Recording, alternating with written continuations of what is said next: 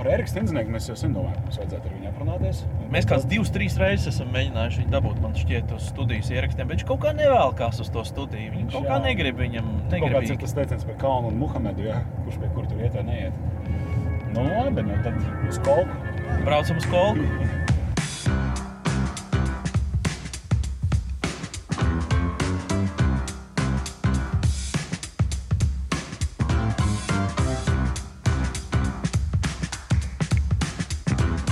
Sēžu kopā ar Kristēnu Petersonu šeit dienas pēc ietvaros, šoreiz ciemos pie Erika Stendznieka. Brīnišķīgā vietā pie dabas esam. Es pie sevis domāju, pirms sarunas, kā, kā pieteikt Eriku. un Es tā arī nenonācu līdz kaut kādam kopsaucējam. un Tāpēc man jautājums, Erika, tev, ja cilvēks tevi nepazīst, bet tev kaut kāda iemesla pēc jāiepazīstina ar sevi, ko tu saki, kas ir Eriks Stendznieks? īso stāstu speciālists, reklāmists. Um, mums jau katram ir daudzas identitātes. Es esmu, man prasa, kas tu esi, es esmu reklāmists, kas tu vēl esi. Es esmu tur vīrs un tēvs, es esmu pilsonis, es esmu cilvēks gal galā, tur vīrietis. Un, un tu vari rakties dziļāk un dziļāk un dziļāk, un tie jautājumi nebeidzās. Pie kā tu esi apstājies? Es neesmu apstājies. Es, es esmu sapratis, ka tas ir beidzams. Nu, protams, beidzams līdz ar pēdējo elpas vilcienu, bet visādi citādi turpinošs ceļš. Tā ir tāda priekš manis kā sīpola mīzes filozofija. Ja? Tu nolobi to vienu kārtu, un saki, tagad es sapratu, kas es esmu vai kā pasaule darbojas. Tikko tu esi to pats sev pateicis, to nākamā dienā kāds no turienes vai no turienes pasakā, neko tu nesi sapratis. Tā kā nolobi, tagad man šķiet, ka es esmu sev sapratis, un tā tu lobi un lobi pat tai kārtai. Un, um, tas ir, es neteiktu, ka tas ir vienmēr salds un patīkams ceļš, tur ir augšs un apakšs un lielie zigzagi. Bet nu, es ceru, ka līdz ar to pēdējo sirdspūks un pēdējo elpas vilcienu varētu atnākt tas ah, tad tāpēc tas viss ir, tad tā tas viss ir iekārtots. Tu pieteici sevi kā īso stāstu uh, speciālistu. Uh, un tas, ko es esmu pamanījis, un mēs ar Oskaru par to esam arī iepriekš runājuši sērijās, ka tie stāsti paliek ar vien īsāki, īsāki, īsāki. Jo kādreiz reklāmas standarts bija 30 sekundes, tagad jau tu YouTube var skatīties kaut kādas 5 sekundēs, kaut kādu stāstu, un, un te kaut kādi gudri teoristi saka, ka 3 sekundes mēs vispār tikai noķeram kaut kādu to domu. un tad Nu, tā ir tā teorista stāsta. Joprojām cilvēks sēž 6 stundu harmoņa izrādē, bet eh, es jau esmu ienācis tādā nu, īso stāstu formātā pirms tur, 30 gadiem.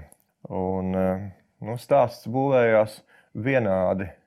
Neatkarīgi no tā, vai tas ir divs, divu pusstundu Titaniks vai tā ir 30 sekundžu cepuma reklāma. Tur ir laba reklāma. Ja tas nav sludinājums, ja tas nav atdzesēts lasis bez galvas, tur tikai eiro 2,99. Nu, tad tur tāds dru- drusku varbūt neveidojās intriga un stāsts. Bet citādi, ja mēs runājam par stāstu, kas izraisa domāšanu, kurš izraisa interesi, ja, tad tur tomēr ir darbības iesākums, sarežģījums, kulminācija un negaidīts atrisinājums. Labākā ga- gadījumā negaidīts atrisinājums. Ja. Un to neviens nav atcēlis. Skaidrs ir kaudze ar parodijām, tur Titaniks piecās sekundēs. Pirmajā kadrā ir tas Titanika inženieris. This ship can't sink! Un otrajā kadrā ir un titra aiziet 5 sekundes. Nu, Galu galā ir arī printi, galu galā ir arī plakāti un vidas reklāma, kur ir nulle sekundes. Ja, ir sas, tas ir attēls sastāvdaļas laikā, un arī tas ļoti daudz ko spēja pastāstīt. Bet nu, priekš manis ļoti labs treniņš ir Twitter. Un tās 140 zīmes kādreiz, tagad 280 zīmes. Um, mani piespiež jebkuru kaut vai sarežģītu stāstu virpināt, vingrināt, īsināt, kaut ko pamainīt ar vietām un ietilpināt tajās 280 zīmēs. Un priekš sevis esmu iedevis sev rāmi, ka es neko neīsināšu, es rakstīšu visu gramatiski pareizi, un es to nesadalīšu divos, vai trijos, vai četros tvītos. Un tas ir brīnišķīgs treniņš domas kristalizācijā. Savukārt, argumentācijā labs treniņš ir paskatīties mainstream un iebliest kaut ko pilnīgi pretēju. Tur Black Lives Matter, nu, tad es tur pāris dienas jau vingrinos argumentācijā. Tas nenozīmē, ka man ir kāda strikta pozīcija, vai es tur rasists vai homofobs vai kas. Tā, tā ir, tas ir argumentācijas treniņš, gluži kā pianistam, kā jūs bijāt nu pat pie Vestarda Šimkus gāmas spēlēt. Ja? Tas ir vienkārši argumentācijas treniņš. Un vienā dienā es varu iznākt no skapja par gejiem, otrā dienā es varu iet atpakaļ skapī, jo gal galā durvis vērās uz abām pusēm. Un, uh, man tas nesagādā nekādas problēmas. Un, uh, es nejūtos nevienam parādā.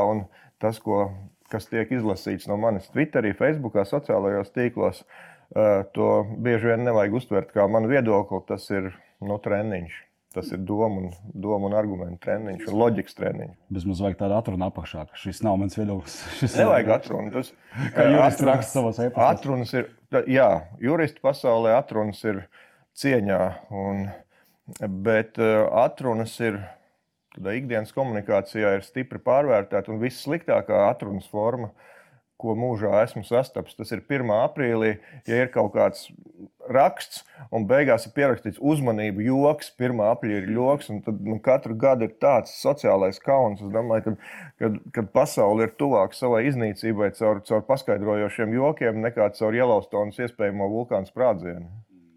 Es eh, maz atrunu, ja? maz atrunu. Es eh, šo, šodien izaicinu, es šodien izaicinu uh, modes, blogosfēru, sociālos tīklus nojauc robežas, jo man ir gan zandals, gan zeķis kājās. Ja? Tā, tā ir kolka un pamēģiniet man kaut ko padarīt. Cik ilgi tu rakstīji apmēram to tvītu? Vienu? Pārsvarā on, on the go. Pārsvarā on the go. Un tad es vienkārši skatos, vai nav drukas kļūdas, jo ortogrāfija tomēr ir cieņa pret lasītāju un cieņa arī pašam pret sevi. Neizmantoju nekādus emotikonus vai tur vēl vairāk kaut kādus gifus. Ja.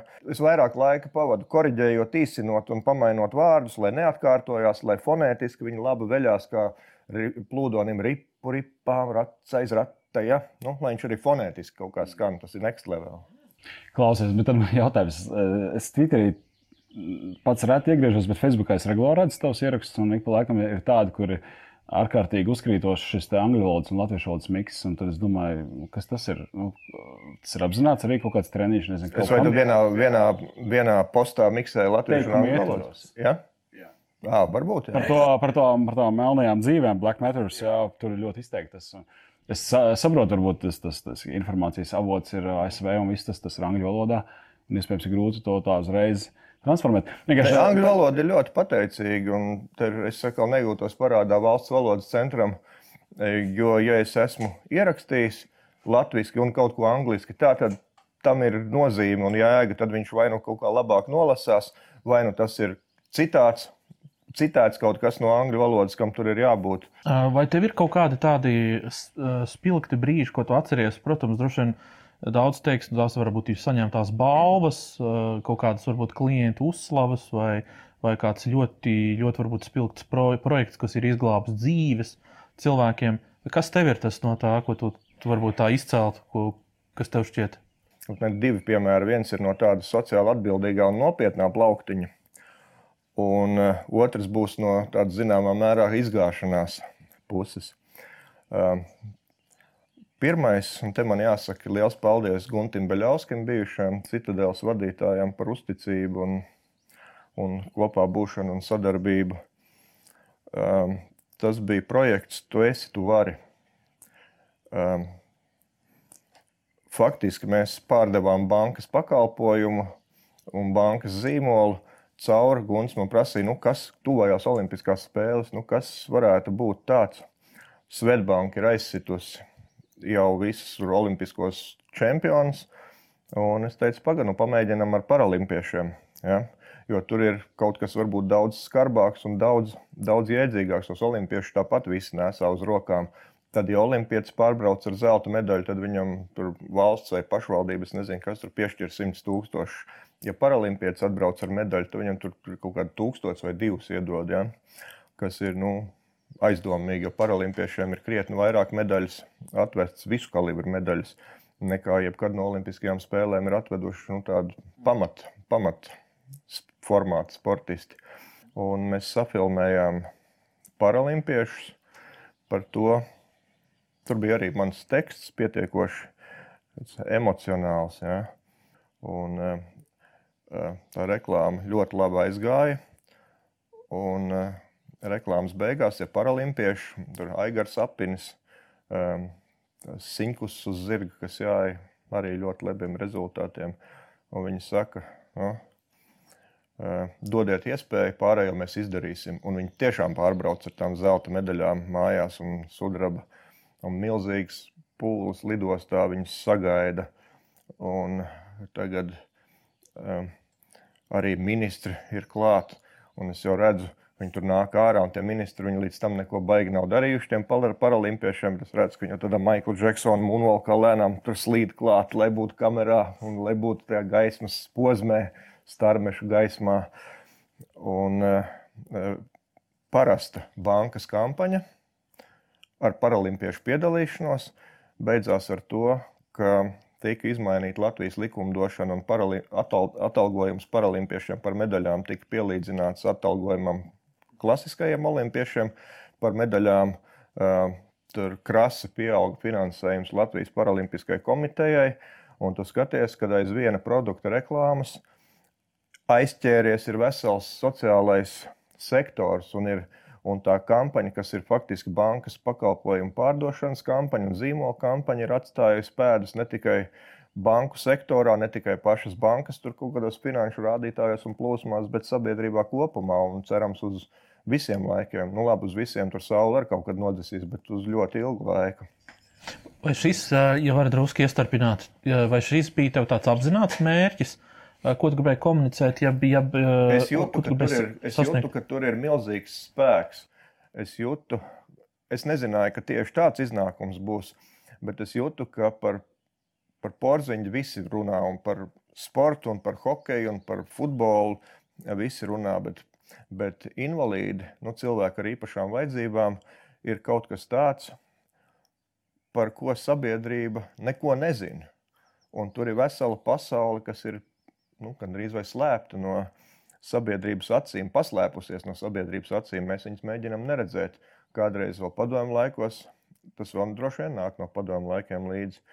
Māma teica, ieraugot cilvēku ratiņkrēslā, neskaties, neskat, tu, tu, tu uz viņu neskaties. Viņam nepatīk, ka tu uz viņu skatīsies, vispār pārāk ilgi skatīsies, tad pašam kaut kas var notikt. Un tā mēs bijām iemācīti tos invalīdus neredzēt. Viņi kā neeksistē. Un piepeši, piepeši izrādījās, ka viņi eksistē gan, viņi ir redzami, pie kam bieži vien apveltīti ar tādu izdzīvošanas instinktu, motivāciju un gribas spēku, par kādu mums te izlaidušamies kolkā. Ja, tur mēs tur raudam veģetatīvā distonē, un tur, ak, Dievs, es krītu ģīpstu, un tur tik daudz darba. Un, un vispār eh, nopirku, nopirku hotdogu, un tā desa bija vecais. Nu, pasauli, nav, pasauli ripo zeli, nekam nav jēgas, un tur iekrīt pilvenā un raud. Un tad tu redzi, ar ko tie cilvēki tiek galā. Un, nu, tā bija milzīga, milzīga motivācija, tas labs grūdienis sabiedrībai. Es jūtu, ka tur ir ārprātīgs potenciāls. Es nezināju, kam viņš rezultēsies. Nu, paldies Dievam, mums joprojām ir ļoti labas attiecības ar Paralimpisko komiteju, Daigu Dadzītu. Kas tev otrs piemērs, teica, kas ir izgāšanās, tuvu izgāšanās? Otrs piemērs, es tev pastāstīju, tas ir pirmo reizi, es viņu stāstu atklāti, bet nu jau, nu jau var stāstīt. Tā tad ir konkurss um, par reklāmu, reklāmas kampaņu un apkalpošanu Rīgas lidostē. Un konkursā es esmu paņēmis un izanalizējis Virgin gadījumu. Virgin Case. Tātad Virgin, Ričards Bransons reklamē savu Virginu caur to, ka viesnīcās, nu parasti tu ievācies viesnīcā, tur ir televīzija un kaut kādi kanāli. Un bieži, bieži vien tur ir arī nu, kaut kāda pieaugušo kanāla, tur seks un porno un kaut kā tā. Un Virgins ir uztaisījis vienu, bet tie ir maksas. Un Virgins ir uztaisījis tādu bezmaksas kanālu, ar tādu soft pornu, kur tās viņas smukās stūrātas, sarkanos tērpos, viņas tur glāstās un kaut kā bučojās. Nu, tur neaiziet līdz tam klajam porno, bet, bet nu, tāda vieg, vieglā erotika, vieglā erotika, un tas ir bez maksas. Un baigi labais reklāmas kanāls. Un es apmēram šo stratēģiju viņam salieku, un tagad ejam uz lidostu. Sēžu zāle, garš galds. Viss tur tā lidostas padomu sēž, vēl tagad Krišāns Peters, tagad jau debesīs. Un viņi tur skatās. Un, nu, es viņam sāku stāstīt to stratēģiju. Es saku, un tagad tas piemērs, nu, man tur video ir. Ja? Un tagad piemērs. Un es skatos mūsu desktopu Virģinu. Es divreiz noklikšķinu. Tas nav tas Virģina. Tas ir skarbais Virģina. Nu, tā vienkārši nu, viss, vis, ko tu vari iedomāt, nu, nu, tā, nu, tā. Un viņš iet minū, nu, minūti, iet, ja? un tu viņu, nu, es taču nevaru viņu izslēgt ārā. Tagad, nu, ko darīt? Nu, kā, oi, pied, piedodiet, es sakošu zobus, mēs skatāmies līdz galam. Un, un, un Vis, viņam viss viss garais gals. Viss garais gals, tā atgāžās. Ja? Un es domāju, ka Vita man blakus sēž tā, kas tagad Austrālijā iestrēgus. Un es domāju, skaitīt tās sekundes, beidzās. Es saku, nu labi, tas bija varbūt drusku par skarbu. Jā, šis ir skarbais variants. Es nedomāju, ka mums vajag tik skarbi. Un tā kaut kā izairēja, un tur līdz tam beigām novelku. Mēs ar Vitu, paldies, mums patika jūsu prezentācija, uz redzēšanos. Mēs izējām Vitu, tur liftā noslīd gar sienu lejā. nu tā, to daudz man draugi zina, bet, bet plaša sabiedrība vēl nezināja. Tā kā eh, nāciet strādāt reklāmā, nekad nav garlaicīgi. Ja pats izanalizēji, kāpēc tur gadījās tas nospiest? Nu, kas tur ko analizē? Tur, tur, à, tu vienkārši uz internetā kaut kur uzspied uz tā kaut kādu tur. nu jā, nu, kas browser history, nu kurš nav grēkojis? Ja? nu, jā. Um, es saku, nāciet strādāt reklāmā. Piemēram, vēl gadījums, kas man nāk prātā. Mēs strādājam ar Latvijas valsts mežiem, ar cūkmeni nemēslo mežā. Bija tāda kampaņa, nemēslo mežā par cūku pārvērtīsies. Sižets tāds, ka ir ģimene atbraukusi ar mašīnu uz mežu. Un tagad ir viņa intervija, un tā sieva visā asarās raud. Ai, mēs tur nometām papīrīti, un viņš pārvērtās, viņš pārvērtās par cūku. Un uh, mums ir noīrētas cūkas, sivēni, kurus, kurus mēs apģērbjam tajos drēbēs, tēkrekls, bikses, cepurīte, viss kāds tas žeks ir bijis, bet tagad pārvērties par cūku. Un, tu, un, un mēs pusdienu tos, tos sivēnus ģērbjam. Viņam nenormālā muskulatūra ir, viņi tur locās, viņi nevar noturēt to kreklu knapu, var uzvilkt. Man ir kaut kādi 45 gadi, šeit, un es šeit sēžu un ģērbi cūku, kur man spirinās par rokām, tas pieaudzis vīrietis, trīs bērni. Ja? Un, nu, reklāmā tu nekad nepieaudzi tu vari pieaugt kā jurists, tu vari pieaugt kā banķieris un finansists. Reklāmā tu visu laiku ir bērnu prātā un bieži vien uz robežas ar vājprātu. Kāds ir tavs traktējums? Noteikti es iedzinājies šajā. Kāpēc cilvēki ļaujās stāstiem, kāpēc, tas, kāpēc viņus ir tik salīdzinoši viegli aizkustināt ar stāstiem, kas ir tas, tie mehānismi, kāpēc mēs tā mūsu uztverē tā tie, tie stāsti tā labi funkcionē. Nu, droši vien jāsāk jau ar šūpuli un pasakām un šopuļu dziesmām, kas nu, ir stāsti. Stāsti, stāsti tev aiznes citā pasaulē. Ja? Stāsti. Un man daudz labāk patīk radio stāsti nekā televīzijas stāsti, un grāmatas man patīk labāk nekā radio. Un kāpēc? Um, kinoteātrī tev Holivuda visu ar karotu ielēja smadzenēs, kāds izskatās aktieris, kā viņš runā, kāda intonācija, kas tur faktiski tev viss ir iebakstīts ar pirkstu acī. Radio tu tomēr pats esi nu, kaut, kā, kaut kādā mērā režisors un iztēlojies, kā viņš var izskatīties, ja? kā viņš uzvedās, kāda viņam balss intonācija. Un, Savukārt, grāmatā tu esi ne tikai režisors, bet arī pats nu, gandrīz vai autors. Tu, tev vairāk tiek nodarbināta iztēle, uh, Un grāmata ļoti reti te uzskata par, par pilnīgu idiotu. Ja, jo tur vienmēr, gandrīz vienmēr paliek vieta iztēlē, kur tu varbūt 70% izlasi, bet 30% noslēdz dadomā pats savā galvā un noslēdz to apli, piedaloties jau noziegumā. Tu jau esi līdzvainīgs domāšanā, ja? tu jau esi tur iesaistījies un nonācis pats pie sava secinājuma, neiebarojot tev atrisinājumu ar karoti mutē, tādējādi apliecinot sev savu inteligenci, ja, ka tu esi domājošs cilvēks. Kādas tavas attiecības ar publisko runu? To publisko runu? Jā, tev ik pa laikam taču nākas kāpt uz kaut kādu dažādu izmēru skatuvēm un uzstāties. Man lielisks. Man ir lielisks attiecības ar. Man nepatīk, bet es esmu tā, piespiedu kārtā, piespiedu kārtā ekstraverts. Es ļoti lab, labi jūtos vientulībā, ļoti labi jūtos pats ar sevi.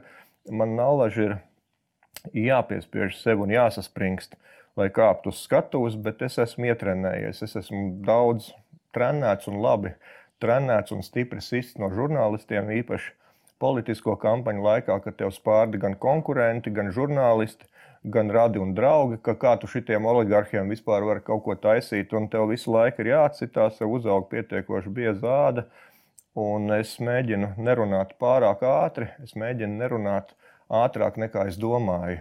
Ja tu runā ātrāk nekā tu domā, tev paliek pāri nu, tās starpas. Tā kā streamingā, kad tev klips iet, un tad jau aiziet uz pulkstenītes, un kamēr viņš atkal uzlādējās, un tad iet tālāk, un atkal pulkstenītes. Un parasti to, to aizpilda ar visādiem mm un e, un kā sacīt, jāsaka, labāk runāt lēnāk un iet vienā solī ar smadzenēm.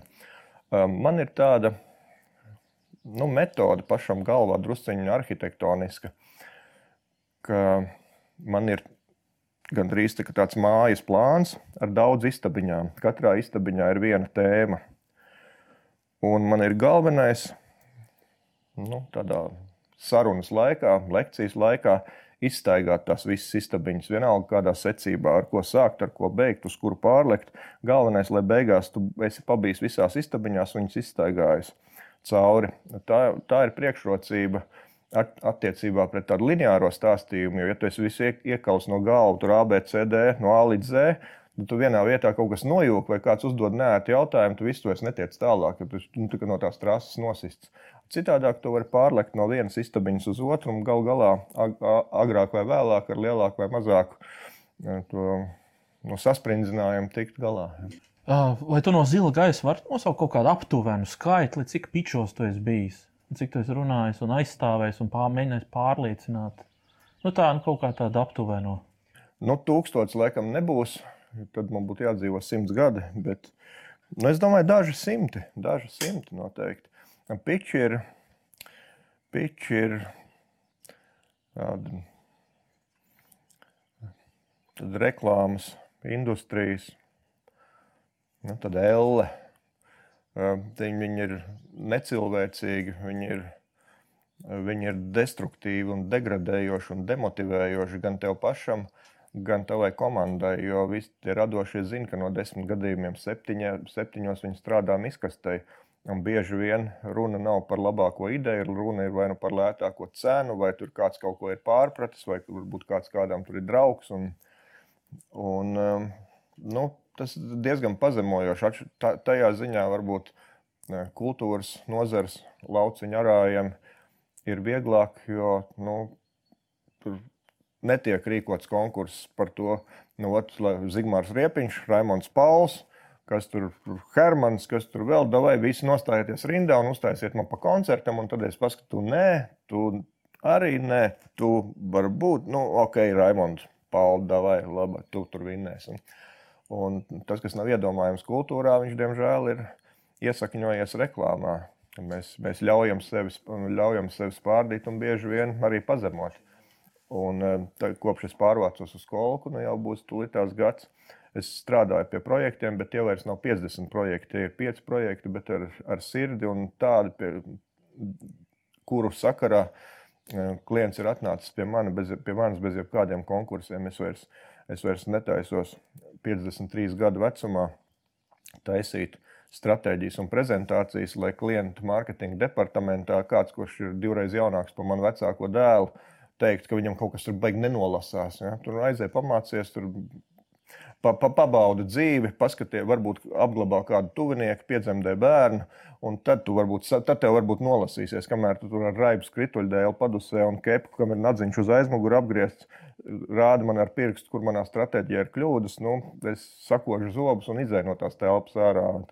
Bet tā grāmata ir aizvērta, un es tur vairs netaisos atgriezties. Tev, tev pieder arī, arī tie vārdi par to, ka ka tas ir tik savādi redzēt, ka jauni cilvēki taisa uh, reklāmas veciem ļaudīm. Uh, un, tagad, paiet vienkārši cauri reklāmas aģentūrām, nu, tur ir pārsvarā 20, plus 30, jā, varbūt uz, uz augšu. Bet Tie ir jauni cilvēki, kāds saka, ar skrituļteņiem padusēs, kas taisa reklāmas veciem cilvēkiem.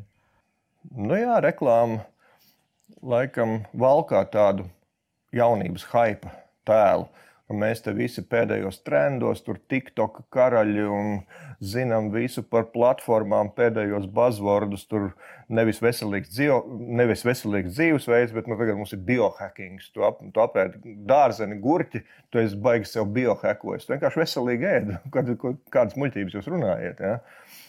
Un eh, tas hypes tiek, nezinu kāpēc, bieži vien tiek uzskatīts par pašvērtību. Um, Varbūt tā ir Latvijas e, īpatnība, jo visi, faktiski visi mani e, reklāmas, Elka reklāmā, komunikācijā, vai tas būtu Līja Klaus, vai mm, Dans Vīdens, vai Godbijs Silversteins, Džons Valons. Tie visi ir cilvēki ar sirmiem matiem un sirmiem deniņiem, kuri galu galā pasaka, vai tas šim dzīves formātam der vai nē. Protams, jaunie sanes visstrakākās, visdažādākās idejas. Un, uh, tad uh, dinozauriem ir uzdevums piedot viņiem to sabiedriskās aktualitātes vērtību, to kaut kādu Pink Floyd, Pink Floyd skanējumu. Jā, nevis Bruno Mars, bet Pink Floyd, teiksim, vai, vai nevis Nikija Minēža, bet Pink Floyd, Rodžers Waters. Tavu pieredzi stiepjas pāri tam laikmetam, kad uh, sociālā tīkla nebija. Un tagad tā ir mūsu ikdiena. Uh, Kā tas ir ietekmējis tieši tavu darbu reklāmā un uh, cik ļoti tev tas jāņem vērā? Vai tas vienkārši tā pakāpeniski ir noticis un tā ir mūsu jaunā realitāte? Nu, visu laiku jau kaut kas mainās. Bet, um, nu, redzi, reklāma un stāsts tas ir viens, un tehnoloģija un platforma tas ir kaut kas cits. Un, ja tev ir spēcīga ideja, nu, vai uzmanība aizķeroša ideja, tad nav svarīgi, vai tas ir televizors, vai tas ir Facebook, vai ekrāns, vai YouTube, vai kas. Viņi tur vienkārši dzīvo. Tā kā Van Dāmas pagatā uz diviem Volvo, viņš bija visur. Viņš bija teļukā, viņš bija cilvēki, ar viņu dalījās. Un, Un uh, platforma bija tikai transporta līdzeklis, kas to stāstu un to ideju nogādā līdz auditorijai. Bet stāsta forma tomēr mainās mazliet. Ne? Ir šādi vērā tās īpatnības, nezinu, kaut kāds tas nu, uzmanības laiks. Nu, labi, te, tehniski jā, bet es domāju vairāk par cilvēku uztveru un šīm lietām. Vai tas ir mainījies, vai mēs nevaram teikt tā? Ka... Ja tev tas stāsts interesē, nevis no pirmās, bet teiksim, kaut vai no trešās sekundes, tad faktiski nav svarīgi. Labi, man pašam nepatīk tie 5 minūšu patētiskie video, kur, kur katrs zīmols uzskata par vajadzīgu glābt pasauli. Ja? Tur, nu, kas, kas tā par divkosību, nu, kas, kas tas par sviestu? Un tagad, kā mans viens no autoritātēm uh, Anglijas reklāmā, Trevors Bītīs, teica, ka I think it's very good time for brands to shut up at this moment. Ja, ja tu sāc sāc reklamēties uz cilvēku ciešanu rēķinu, uz grautiņiem, uz covid, uz vīrusiem. Ja? Nu, tas ir smieklīgi, ka tu mēģini izglābt pasauli, paralēli mēģinot notirgot kaut kādus cepumus. Ja? Tas ir, es saprotu, ka esmu lielā mērā bijis iniciators tādām nu, nopietnām vai aizsācējs tādiem nopietniem tekstiem, kas runā par sabiedrībā sāpīgām problēmām, tā kā ar tiem paralimpiešiem un cilvēkiem ar īpašām vajadzībām. Uh, bet tas ir izgājis no kontrolas. Tu ļoti bieži vari redzēt daudz ārkārtīgi līdzīgas reklāmas, kas iesākās apmēram tā: modinātājs, tu mosties no rīta, tu atver acis, visa pasaule ir pie kavām kājām. Tu spēj viņu mainīt, notic sev, jā, mēs varam būvēt labāku nākotni. Cepuma pats viņa beigās. Nu, kas tas ir? Jā, nu, jā, nu, jā nu, nu, man, man šķiet, ka nevajag ņemt uz sevi visas pasaules glābšanu, ja tev starp rindiņām vienīgais mērķis ir uztaisīt lielāku abarotu. Ja?